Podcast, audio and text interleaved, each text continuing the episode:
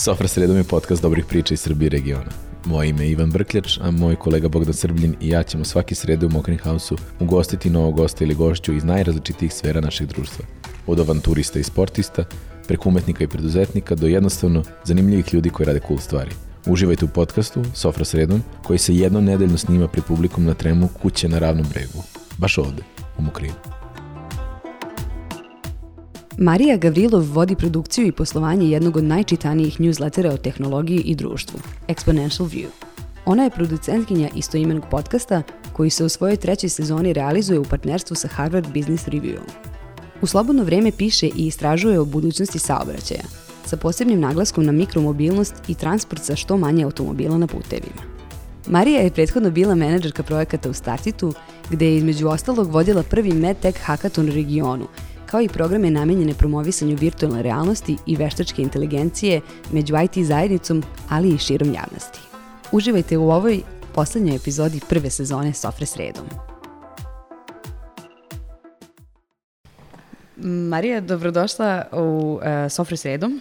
Hvala puno na pozivu. E, hvala tebi što si prihvatila poziv da, da budeš naša gošća u ovoj poslednjoj epizodi prve sezone. E, meni je posebna čast zato što e, neko vreme nisi bila u, baš vidljiva u javnosti, a imala si jednu fazu u kojoj si baš bila vidljiva. Da, tačno. Um, pre par godina je Telenor je izabrao da budem njihova ambasadorka. A, znači neko ko može da komunicira sa mladima.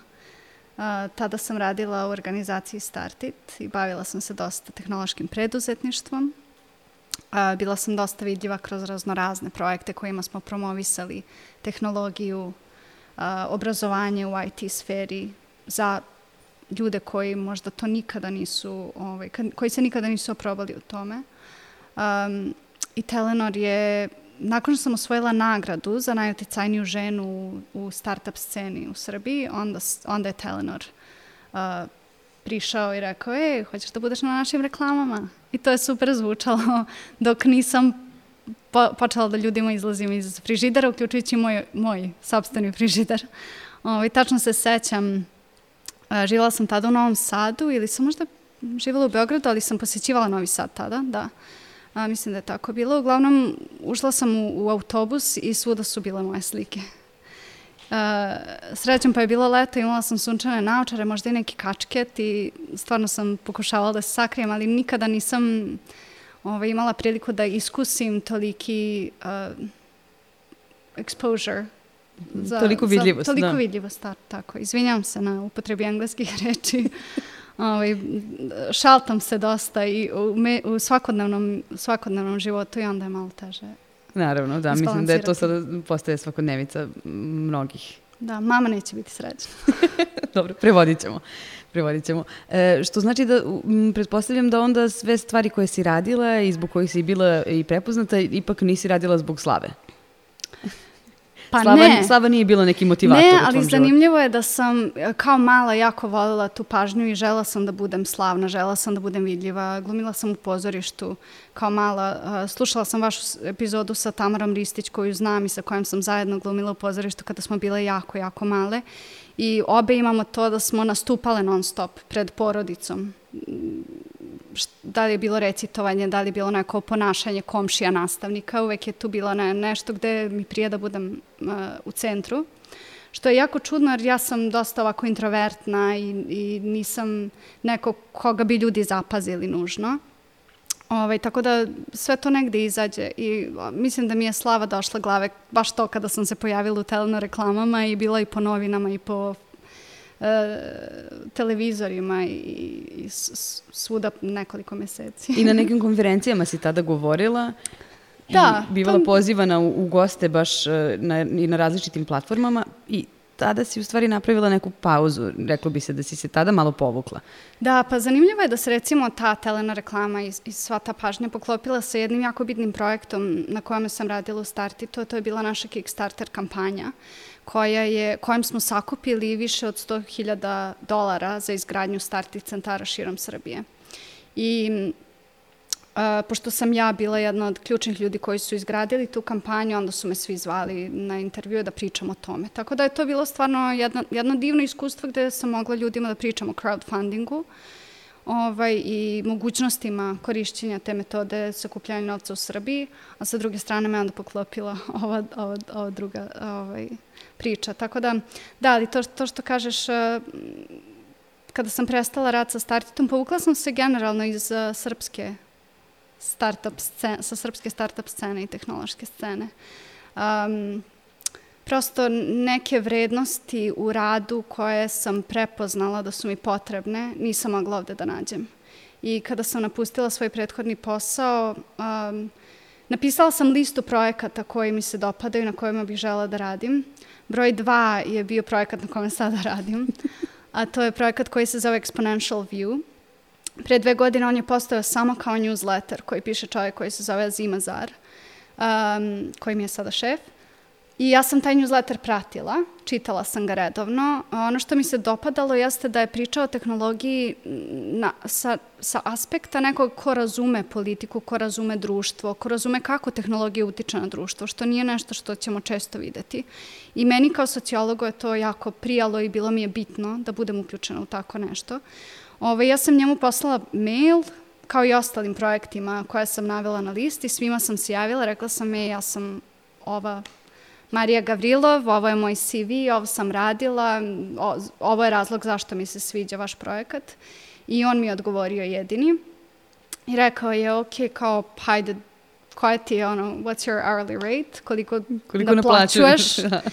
Ja sam bila u fazonu, evo, ovo neka sumica. I on je bio u fazonu, ok, ajde probamo. I evo, već dve godine radimo zajedno, sada ja vodim tim, ja produciram naš podcast koji je, koji je ha, od treće sezone sadašnje radi, rad, radimo u saradnji sa HBR-om, Harvard, Harvard Business, Business Review-om, da. da.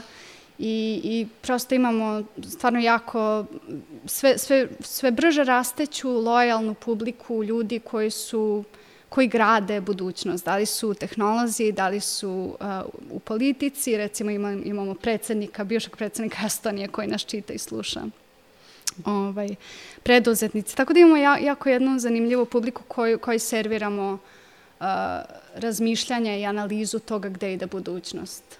Ono što je meni zanimljivo je ti nisi imala nikakav kontakt sa tim čovekom pre toga. Ne. Ti si našla njegovu email adresu kao preko newslettera koji primaš. Tako je, da. Znači, da. to je bio baš onako jedan uh, jedno, jedno pucanje pomalo u praznu, rekla bi se. Mislim, kao koliko da. on mailova dobija na dnevnom nivou, sigurno. Da, apsolutno. I nije mi odgovorio odmah, znači mislim da mi je odgovorio posle nedelju dana ali, ali odgovorio je i to je, to je bilo ono što je bilo bitno. I, e, I ne znam odakle mi ta crta, jer moja mama i tata su dosta rezervisani. I, znaš, kao ljudi koji su odrasli u tom periodu gde su imali posao koji rade celog života, isti posao. Mhm. Negde, um, čini mi se da ta preduzetnička crta i nije bila toliko bitna ili se bar u tim vremenima nije toliko promovisala kao što, kao što je danas slučaj. Ali Uh, od uvek sam imala taj stav da ako nešto želiš ideš ka tome, ne čekaš da ti padne sa, sa neba ili, ili da, da, da ti stigne kućnu adresu i tako da ja sve sa tim stavom i, i radim. Tako sam i njemu pisala. Nisam znala da li će mi odgovoriti, ali ako, ako mu ne pišem, ne bih nikad ni saznala da li će mi odgovoriti. Prije nego što nastavimo ovome, sad e, verujem da nisam jedina koju baš mnogo zanima ko je bio prvi na listi. Da, to je bila firma, to jest ne firma, organizacija OpenAI, mm -hmm. koji je jedan od osnivača Elon Musk. I oni se bave uh, istraživanjima i radom ka tome da osiguraju da veštačka inteligencija, kada jednom postane generalna, odnosno uh, kada, kada postane tip inteligencije koji može sam da uči, sam da postavlja svoje ciljeve, da to bude za dobrobit čo čovečanstva. Uh, tu sam se prijavila na jednu poziciju i nisu mi nikada odgovorili. Što je možda i bolje sa, sa današnje perspektive, jer zaista rad u timu, ja kada sam se pridružila Exponential View, znači to je bio samo Azim i on je gurao svoju priču, ja sam postala broj dva i sada imam priliku da imam i mnogo više odgovornosti i da vodim neke stvari sama, um, koje ako ste, ako ste samo šraf u mašini, neke ogromne firme često i nećete dobiti priliku da radite. Da, upravo to je ono što si rekla malo pre, e, preduzetnička crta, koja možda ima veze i sa time što si, što si ti i formalno i učila preduzetništvo. Da, zapravo, e, to je zanimljiva priča, zato što sam, ja se e, kada sam odrastala kao mala, jedan od, jedna od stvari koju sam zamišljala kada bih legla u krevet da spavam, uh, jeste kako ćemo kupovati u budućnosti. Ja sam stalno zamišljala neku ono korpu za, za kupovinu, ono koju guraš uh, u prodavnici, da ima neke čipove i tako da šta god želiš da kupiš, samo staviš u korpu i to je to. I evo, 20 i nešto godina posle, Amazon zapravo ima slično rešenje. Mm. I um, ja, ja sam tako tu neku ideju ovaj, uh, promišljala i stalno sam sa njom odlazila na spavanje. Studirala sam sociologiju, nikad mi preduzetništvo nije padalo na pamet, nisam prosto sebe viđala nikad u toj priči. I onda sam dobila priliku da učestvujem na jednom letnjem obrazovnom programu za preduzetništvo za ljude sa Balkana, gde smo bili uh, nas desetoro, od toga ja jedina iz Srbije i devetoro mladih ljudi albanaca sa Kosova. Ovaj, tako da smo nas desetor učestvovali na tom programu i ja sam u tih tri meseca shvatila, a, onaj deo koji sam ja razmišljala kao mala, to zapravo može se realizuje kroz preduzetništvo. I tada mi je sinulo, znači to je bilo možda druga, treća godina fakulteta, da sam ja shvatila, ok, ovo, ovo, ovo što ja osjećam, to je da imam inicijativu, da želim da započnem stvari, da želim da guram stvari, to je preduzetništvo. Ovaj, to je bilo stvarno, mm, dosta je promenilo uh, kuda ću ići dalje. Uh, ne znam, ne znam, ne znam kuda bi išla moja karijera da nisam otkrila to. Da, sad sam htjela da te pitam, e, pošto sociologija je e, jedna od onih, znaš onaj fakultet što kao biraš da. pa ti kažu kao šta ćeš s tim, kao koliko sociologa... Četiri godine, četiri godine su me to pitali. Da, verujem, da, da, da je, do, do, do, u kom trenutku ti u stvari shvataš da kao to ima smisla i da ta sociologija, mislim, sigurno ti je donela mnogo toga, da. ali da nećeš se baviti, da nećeš biti sociološkinja Marija Gavrilov. Jeste, da. Um, ja sam zapravo prvo žela da upišem političke nauke ili novinarstvo, jedna od ta dva, međutim, onda su me nastavnica sociologije i mama moja naterale, ne naterale, nagovorile. Motivisale. Motivisale, tako je. Motivisale su me da, da pogledam šta je ta sociologija, jer su bile u fazonu, ok, to je dosta široka grana, ti voliš različite stvari, ovako se nećeš usmeravati, ići ćeš ovaj, na neku generalnu nauku i onda ćeš shvatiti šta od toga želiš. Ispostavilo se da su bile u pravu. Um, taj fakultet u Novom Sadu je bio dobar, zahvaljujući dvoma ljudi, to su Marko Škorić i Aleksej Kišjuhas.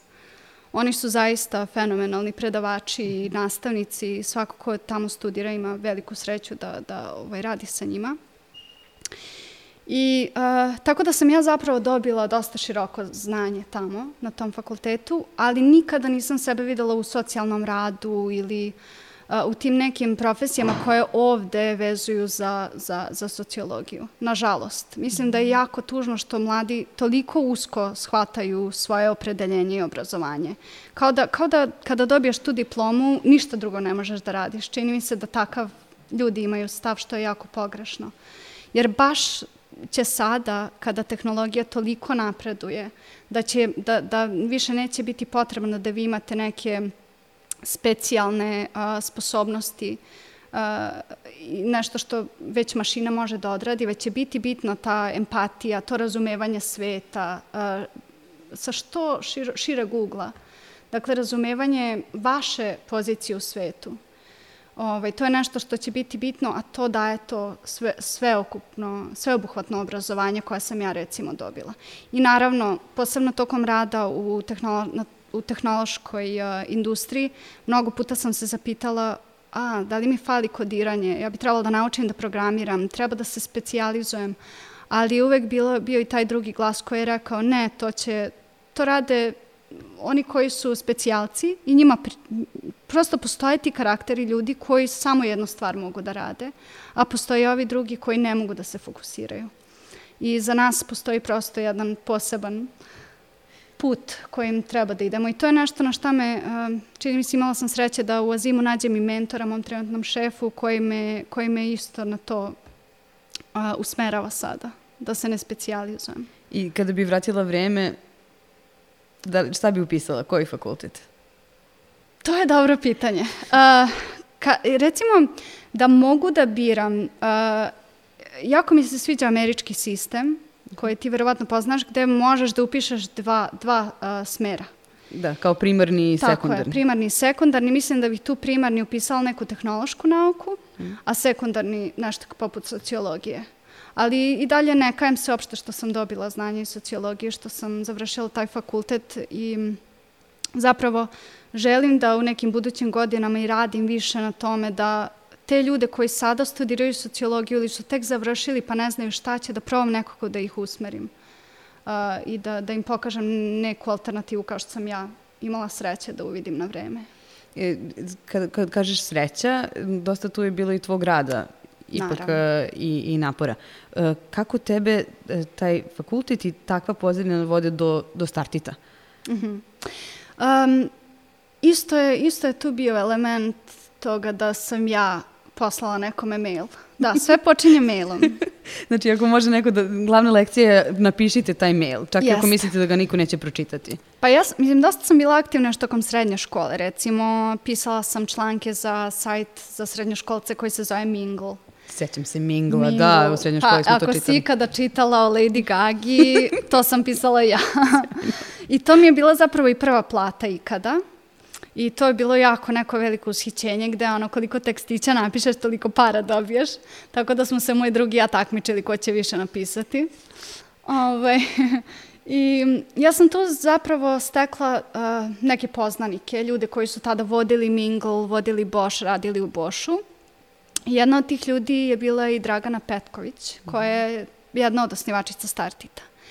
I ja kada sam prošla tu preduzetničku obuku u Americi, vratila se puna nade i ushićenja, luda skroz da započnem nešto ovde. Ona je bila jedna od prvih osoba kojim sam se obratila i ona je rekla, e, pa zašto bi započinjala nešto sama, hajde sa nama. I ja sam tu posle par godina završila fakultet i onda sam počela sa njima da radim. Tako da, uh, inicijativa, mreža, dakle da upoznajete ljude i da se oslanjate na te ljude, čini mi se to su dve vrlo bitne stvari u, u ostvarenju bilo kog sna. Kada si se priključila Startitu, to je bilo nešto mnogo manje od onoga što je Startit danas. Kako je to izgledalo? Da. I kako, kako je ta vrsta uticaja bila tebi bitna? Pošto Startit, za one koji ne znaju, ima baš velike utice ne samo na, na IT zajednicu, nego zapravo i na celo naše društvo. Mislim, Jeste. možda čak i region ima velike potencijale i upravo ta crowdfunding kampanja u kojoj si učestvovala i je takođe napravila veliki pomak uh, u Srbiji. Počeli smo mhm. drugačije da gledamo crowdfunding kao nešto što možemo i mi, što je izvodljivo i ovde i za velike neke ove, e, svote, rekla bih. Tako je, da. čini mi se da nisam bila na samom početku startita, ali ono gde sam ja došla je bilo da smo radili svi u maloj kancelariji. Um, blog je tada bio u fokusu, dakle ako odete na starti.rs, to je i dalje taj blog o preduzetništvu i tehnologiji, s tim da su ljudi koji su ga počeli uvek imali velike snove i vrlo uh, ogromne snove za, za, za, za društvo gde vam uglavnom kažu da ne može nešto da se uradi. I ti mladi ljudi su uspeli da izgrade, zapravo stvarno da izgrade ekosistem a, gde imate resurse ako želite da postanete preduzetnik, gde imate resurse kojima možete da se obratite, gde imate mrežu preduzetnika koji već nešto rade i mogu da vas mentorišu, programe, događaje, a, na kojima možete svašta nešto da, da učite i ja zaista sam vrlo srećna što sam imala prilike da učestvujem u tome i da učestvujem u rastu i razvoju organizacije. Um, ja sam, eto, uh, prestala sam rad sa Startitom pre dve godine otprilike, vreme zaista leti, ne mogu da pohvatam. Ovaj, kad se šta izdešavalo, ali im, ima dosta, ima dosta vremena, ali do tada sam vodila dosta zanimljivih projekata, između ostalih prvi um, medicinsko-tehnološki hakaton na Balkanu. Hakaton je događaj od 24 do 48 sati, tokom kojih vi dovedete tehnologije sa još nekim grupicama da oni zajedno smišljavaju rešenje. E, a ja sam dovela pacijente iz organizacija pacijenata u Srbiji, dovela sam lekare i dovela sam programere i njima, oni su imali 48 sati da pacijenti programerima kažu imamo ovaj problem, treba nam neko rešenje koje vi možete da nam pružite, a programeri to i da izgrade.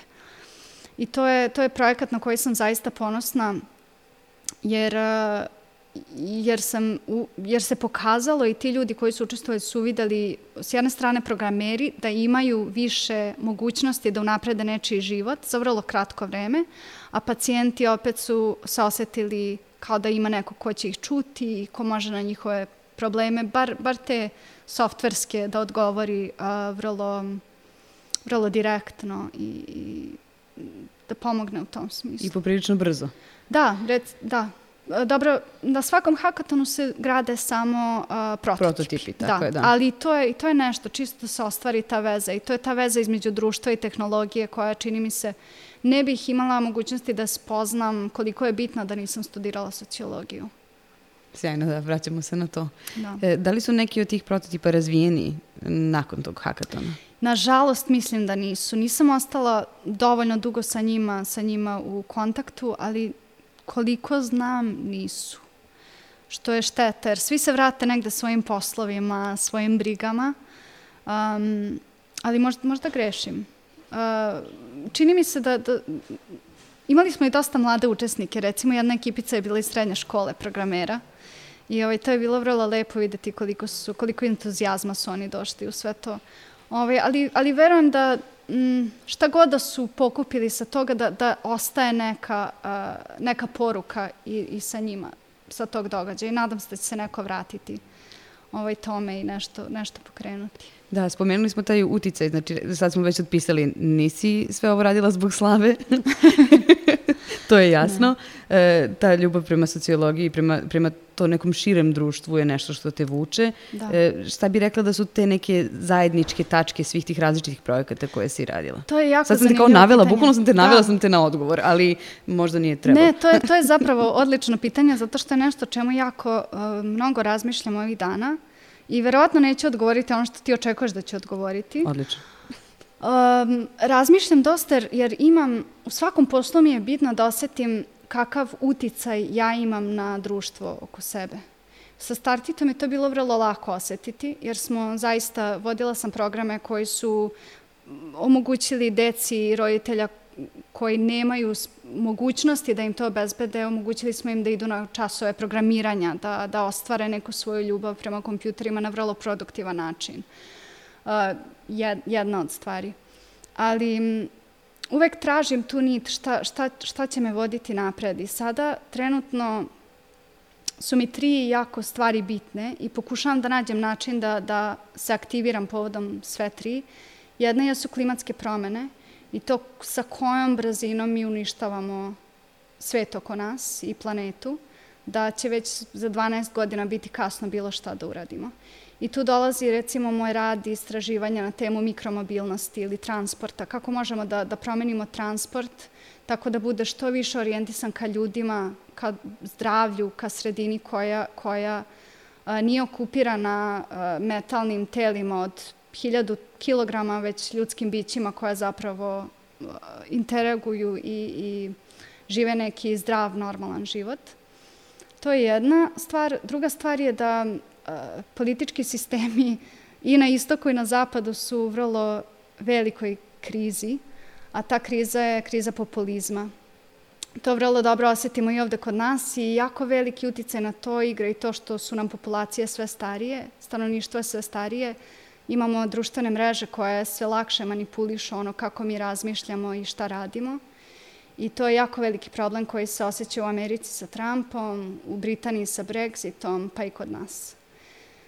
Tako da mi je tu neka ideja kako, kako možemo da, da motivišemo ljude da se uključe u, u politički sistem, a da ne moraju da budu članovi stranaka. A, to je druga stvar. I treća stvar je ta koja se dotiče tehnologije. Dakle, kako, kako da tehnologiju što bolje uh, usmerimo i kako da je mi kreiramo što bolje, jer ljudi jesu ti koji imaju, uh, koji imaju moć nad tehnologijom, nije, nije robot taj koji ima moć nad nama, već mi kreiramo tog robota. Kako da to što, uradimo što, uh, što bolje po sve nas. Tako da je, to su tri jako velika pitanja, ali pokušavam na, na neke male načine da nađem svoje mesto u tome i onda se nadam da će to nekako da se izobliči. I upravo The Exponential View je ne, neka, nešto što je tebi nastavak, ta progresija zapravo ima smisla, Jeste. iako ti je bio drugi izbor. da, da, Exponential View se bavi svim ovim temama koje, i mnogo imam prilike da učim o ovim temama kroz Exponential View i kroz uh, ono kako moj šef Azim razmišlja. Um, Tako da je to sjajno mesto ovaj, gde se sad nalazim, gde kroz svoj rad zapravo mnogo učim i to je, mi je jako bitno u poslu. E, ja bih se vratila na, na nešto mnogo pre toga. Ti si iz Kikinde mm -hmm. i mene zanima uh, tvoje odrastanje i zanima me uh, Kakav si bila đak u osnovnoj školi? Šta misliš? Pa, ne, ne znam, stvarno baš me zanima, jesi li bila Odlično. kao neki odlični, da, si bila kao da. Vukovac i to Ne, sve? nisam bila Vukovac, ne, Jasne. opraštala sam sebi četvorke i trojke. Čak ne, i trojke? Nikada, da, da, da, nisam nikada bila dobra iz recimo fizike i matematike, to su mi bile mhm. slabe strane, ne znam da li je zbog uh, manjka truda ili uh, ne znam zbog čega, ali od, kao mnogo devojčica, nažalost, ja sam se ogradila od tih nauka vrlo rano. Um, I mnogo mi je žao, recimo jedna od knjiga koju sada čitam jeste o matematici.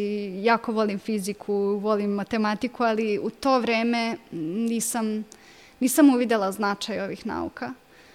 Um, iako mi je brat programer, uh, tata mi inženjer, ali sam negde išla drugom, drugom putanjom. Ali da, odrasla sam u Kikindi, išla sam ovde u osnovnu školu, u gimnaziju, bila sam uvek odličan đak, uh, pobeđivala sam na takmičenja za pis, takmičenjima za pisanje, uh, tako da ovaj, uvek sam bila neki uzor, uzoran učenik. Da, ali uvek se neko i buntovništvo tu provlačilo. Šta ti znaš što ja ne znam? pa mene zanima kako si išla, išla si ipak svojim inicijativom, upravo to preduzetništvo je do nekle buntovno. Da. Zar da, ne? Uh, Mislim, ljudi ti govore da ne možeš, ali ti nastavljaš i, i dokazuješ da možeš. Jeste, da. Mislim, možda, možda bi se moji roditelji bolje sećali uh, kako sam to bila buntovna tokom srednje škole. Zanimljivo da sam ja recimo tokom srednje škole radila isto. Vodila sam, uređivala sam televizijsku emisiju na jednoj radikalskoj televiziji u Kikindi, Rubin. Tada nisam bila svesna da je to radikalska televizija iz jednog razloga i drugog. Ali ovaj, ja sam recimo ređivala tu emisiju koja je svake nedelje trajala sat vremena. Tokom nedelje bih snimala priloge, vikendom bismo montirali, subotom i ne, petkom i subotom bismo montirali i nedeljom bismo puštali. Znači ja nisam izlazila recimo. Svi moji drugari bi išli u grad, ja sam sedela sa montažerom i radili smo i to mi je bilo skroz cool. Tako da mislim da možda je to buntovništvo se odrazilo i u tome da ja nisam imala problem s tim da budem drugačija od mojih drugara i nisam imala problem da ne izlazim i da ne pričam sa njima o tim nekim stvarima o kojima su svi tada pričali. Ali mislim da je moje buntovništvo najviše došlo do izražaja kada sam ja a, se vratila um, iz Amerike, studirala sam tamo jednu godinu Dobila sam stipendiju Američkog State Departmenta za treću godinu studija i tamo sam studirala onda sam se vratila i rekla ja želim da idem na Kosovo.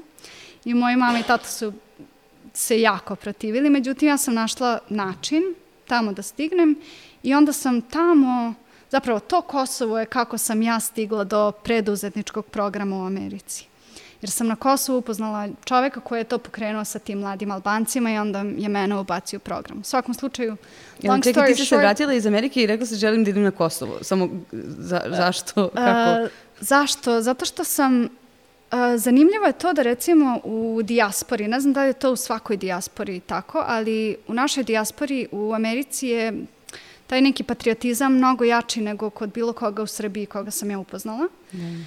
Uh, ja sam tamo, iako se ne slažem sa mnogo stvari uh, koje, koje ti ljudi propagiraju, ni u dijaspori, ni ovde, um, upoznala sam neke zanimljive ljude koji su mi pričali o Prištini, šta se dešava u Prištini, kako, kako je to mlad grad, koliko, je, koliko se osjeća ta mlada energija stanovništva tamo. Ja sam poželjela da odem.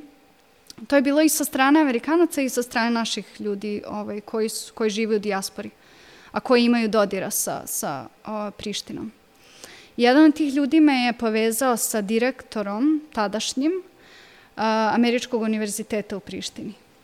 I onda je on mene pozvao da odem tamo na neki letnji kamp gde, gde su mladi ljudi iz regiona pričali o teškim vremenima kroz koje smo prošli i sve to bio neki kamp pomirenja. Tako da sam ja tada, to je 2015. ili 14. Prvi put otišla u Prištinu, posle toga ću otići još tri puta. I uh, Priština je za mene bila baš fenomen. Uh, obišla sam i druge delove Kosova, ali sam u Prištini baš boravila. I posebno vraćajući se sa tim nekim utiscima u Srbiju i shvatajući da sve ono što nam pričaju na TV-u nema veze sa realnosti, uh, da i mnogi ti političari nikada nisu bili dole, nisu videli kako ljudi žive. Da, eto, ne, ne bih dužila o tome, Ali to je bilo neka da. prekretnica, pretpostavljam, za tebe. Takođe, u, u načinu shvatanja kao e, i medija i da. toga. Da, sigurno, definitivno, definitivno. Jer kada vidiš da recimo Uh, mi ovde ne znamo da oni već godinama ne koriste srpske tablice.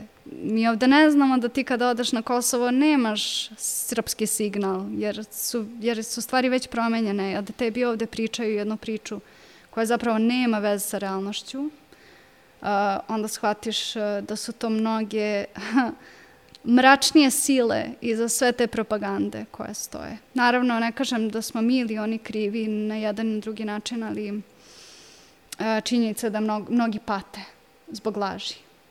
To je ono što sam shvatila tada. Da. Um, ja bih sada okrenula samo na, na, na nešto malkice drugačije. Može. Mislim, sada e, pričali smo znači, o, o, o tvom odlikaškom obrazovanju, o tom, e, o sociologiji, pa onda i o, da. o poslovima koje si radila. E, kada te neko pita čime se ti baviš, mm -hmm. šta odgovoriš? Jako teško pitanje. Samo takvo postavljam. Ne, ali zaista baš, e, pretpostavljam kao kad te pita neko iz starije generacije da. čime se baviš. Da, to je na jako koji način možete uh, to... Ok, znači komšijama koje su baš stari, njima kažem radim online, radim na internetu, Aha, radim, na internetu, radim na internetu, ja. to im je onda, ok, ona se bavi nečim što mi ne poznajemo i dovoljno nam je da znamo da ima posao i da radi. Mm -hmm. uh, onima koji mogu već nešto da shvate, kažem, radim sa jednom firmom u Londonu, objavljujemo newsletter, podcast, bavimo se ispitivanjem uh, uticaja tehnologije na društvo, recimo tako nešto. A onda onima koji baš žele da znaju šta ja to tačno radim, onda njima kažem vodim operacije u ovoj firmi, sad na srpskom ne postoji baš dobar prevod. Da, da. Operations manager, uh, produciram podcast, newsletter, tako da sve zavisi ko, ko me pita, takav odgovor i dajem, ali da, teško je pitanje. E, i, I reci mi sada, kada si već e, prošla kroz sve to, e, i slušali smo i, i, i o tome kako je Telenor to predstavio, kako to bilo ipak primećeno, tvoj rad da. i tvoj uticaj na zajednicu. Da li je postojao neki trenutak u kome si ipak pomislila da možda to sve što si zamislila ne može? Ili da ne treba, ili da, ili da su u pravu ti koji kažu nemoj, ne treba? Ne, ne, nikada. Nikada. Mislim da uh, tužno je jako da ljudi misle da ne, nešto ne može i da ne treba. Uh, jer je to ono što nas drži u prošlosti.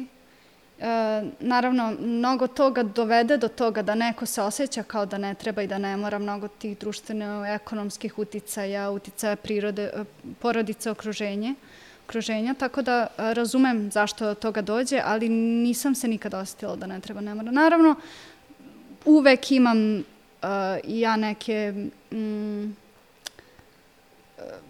kako da kažem, doubt. Sumnje. Sumnje, hvala Tamara. Nema na čemu.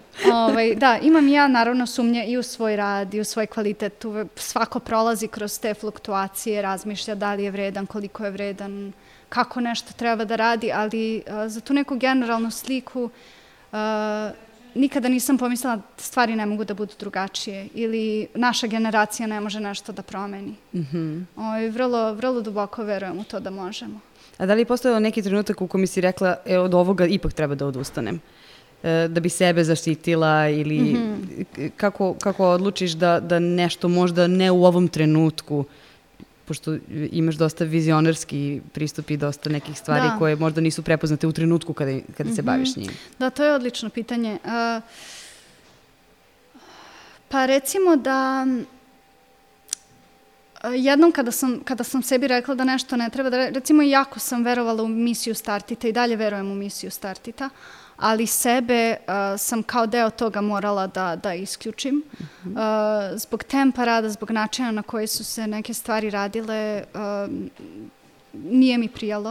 Uh mhm. -huh. I stvarno sam počela to da osjećam i na svoje mentalno zdravlje i na to kako sam se ja sama osjećala o sebi i šta sam mislila o sebi. Um, I onda sam shvatila, ok, ako želim već da, da budem deo nečega, m, moram prvo da se brinem o sebi. Znači moram da, da, da znam da li se ja dobro osjećam u tome, da li, da li mi prije ljudi sa kojima radim, da li mi prije posao koji radim.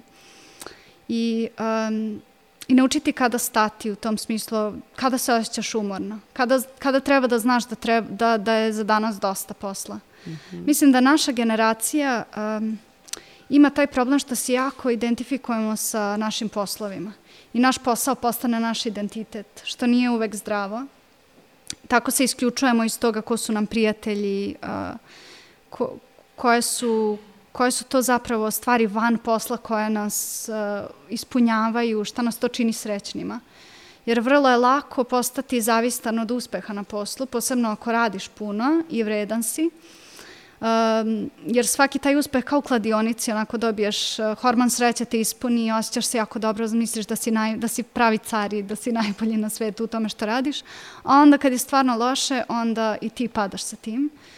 Ovi, tako da, eto, ako je postojalo nešto dobro u sistemu naših roditelja koji su, se nisu identifikovali svoj, sa svojim poslom, bar mnogi ne, uh, i koji su radili od 9 do 5, isti posao godinama, je to da su imali negde odvojen taj svet, posao i kuća. Da, a šta su onda te stvari koje radiš da bi imala taj balans? Uh, mislim da sam mnogo bolje naučila da prepoznajem kada sam, kada sam umorna. Mhm. -huh. I kada počinjem, ne, ne nužno fizički umorna, ali kada uh, više ne mogu da dam najbolje od sebe. I ponekad je moguće reći, ok, uzimam odmor, a ponekad, kao recimo sada, kada produciramo novu sezonu podcasta i stvarno nam dobro ide, ne mogu baš to sebi da priuštim, jer ipak vodim sad tim od sedmora ljudi. Tako da ipak imam tu veću odgovornost, ali na neke male načine znam da se, da se usredsredim i da kažem, ok, sve je dobro, ništa ne gori, Uh, uzmi jedan dan, dva dana koliko ti treba za sebe i, i vrati se jer će, jer će to biti bolje za sve. A, rekli si da si srednju školu završila i da nisi izlazila, da nisi, da nisi, da. nisi bavila time što i srednjoškolci su, što obično rade. E, kako izgleda sada tvoj, tvoj društveni život i da li sada u Kikindi izađeš Ne, zapravo, uh, da, sad, sad sam već u nekom periodu gde mi to stvarno ništa ne znači. U mhm. drugačijem smislu nego u srednjoj školi. U srednjoj školi mi je više bilo, ok, montirala sam epizodu poslednjih pet sati, umorna sam, idem kući, a sada mi je vikend je, želim da čitam, želim da radim stvari koje mi se rade, nije mi stvarno potrebno da budem u zagušljivom prostoru gde slušam muziku koju ne volim.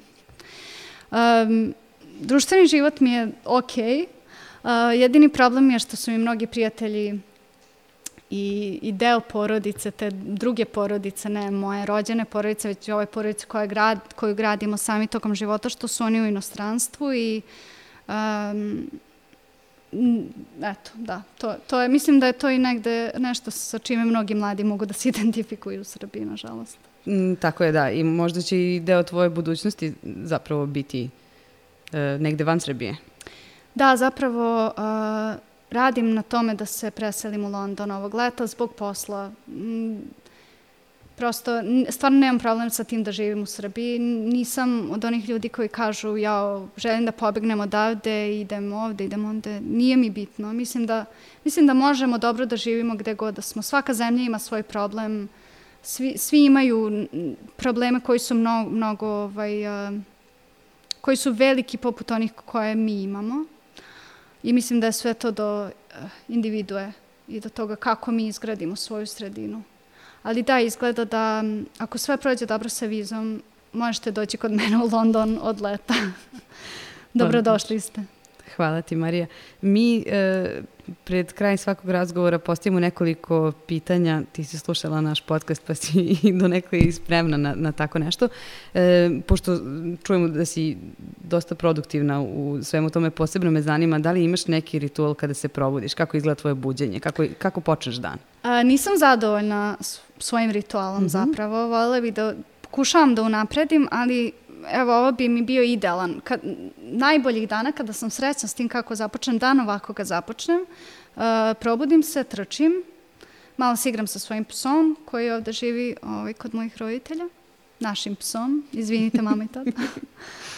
ovaj, I onda počnem da radim, uh, volim da pravim pauzice tokom rada, kao što svi freelanceri će znati ili oni koji rade remotely, uh, da je vrlo važno izbalansirati svoj dan jer često rad od kuće ili čak i rad iz coworking prostora može da bude dosta naporan na drugačije načine nego što je rad iz kancelarije mm. i sami moramo sebi da postavimo neke balanse. Tako da pokušavam da pravim pauze koje, bih ispun, koje ispunjavam nečim što, što volim, da li to čitanje, da li to uh, opet igranje sa psom ili neki treći hobi, nešto ovaj, da, mm -hmm. za mhm. svoju dušu. Da. Čekaj, neko mi zvoni telefon pa da... Op. Ha? Nisam ja. Nismo, nismo, dobro. Um, um, dobro, e, da li možeš da mi kažeš sad ovako, pošto produciraš podcast i pošto pasionirano slušaš podcaste, um, da li možeš da mi preporučiš jedan koji, nekome ko nikada nije slušao podcast, mm -hmm um, želi, kada, kada želiš da, ih, da im približiš ovaj, tu formu medij, medijsku, šta im kažeš, šta, do čega da počnu?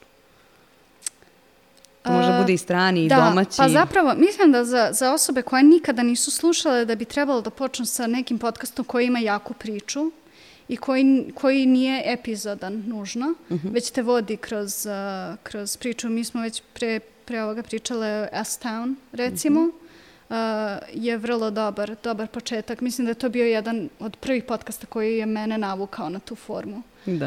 Um, to je gotovo kao serija, radijska tako serija je, da, u stvari. Da, da, da, navučete, navučete. A za one koji već vole tu formu, preporučila bih On Being uh, sa ženom koja se zove Krista Tippett, jer je to zaista... Mm, Podcast, svaka epizoda traja sat vremena, ali je ispunjena mudrošću kako nećete naći nigde drugde. Uh, tako da, eto, da, to, to su dve moje preporuke.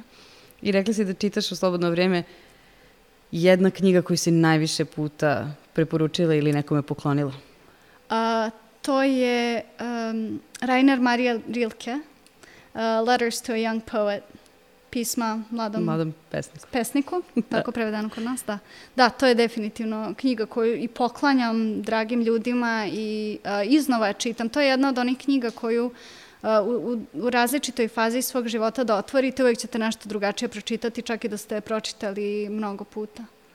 Sjajno. Marija, da li postoji nešto što bi volela da sam te pitala, da te nisam pitala? Ne, mislim da si odlično obavila ovaj razgovor. Vidim da sam ti nedostajala. Zadovoljstvo mi je zaista što si posle uh, te pauze i posle nepojavljivanja u javnosti odlučila da, da, da sedneš pred mikrofon i da podeliš. Mislim da imaš baš mnogo toga i da, da bi ovaj razgovor mogao još duže da traje. Hvala ti Hvala najlepše što si bila gošća poslednje epizode ove sezone Sofre sredu. Hvala puno Tamara i svima u Mokrin House.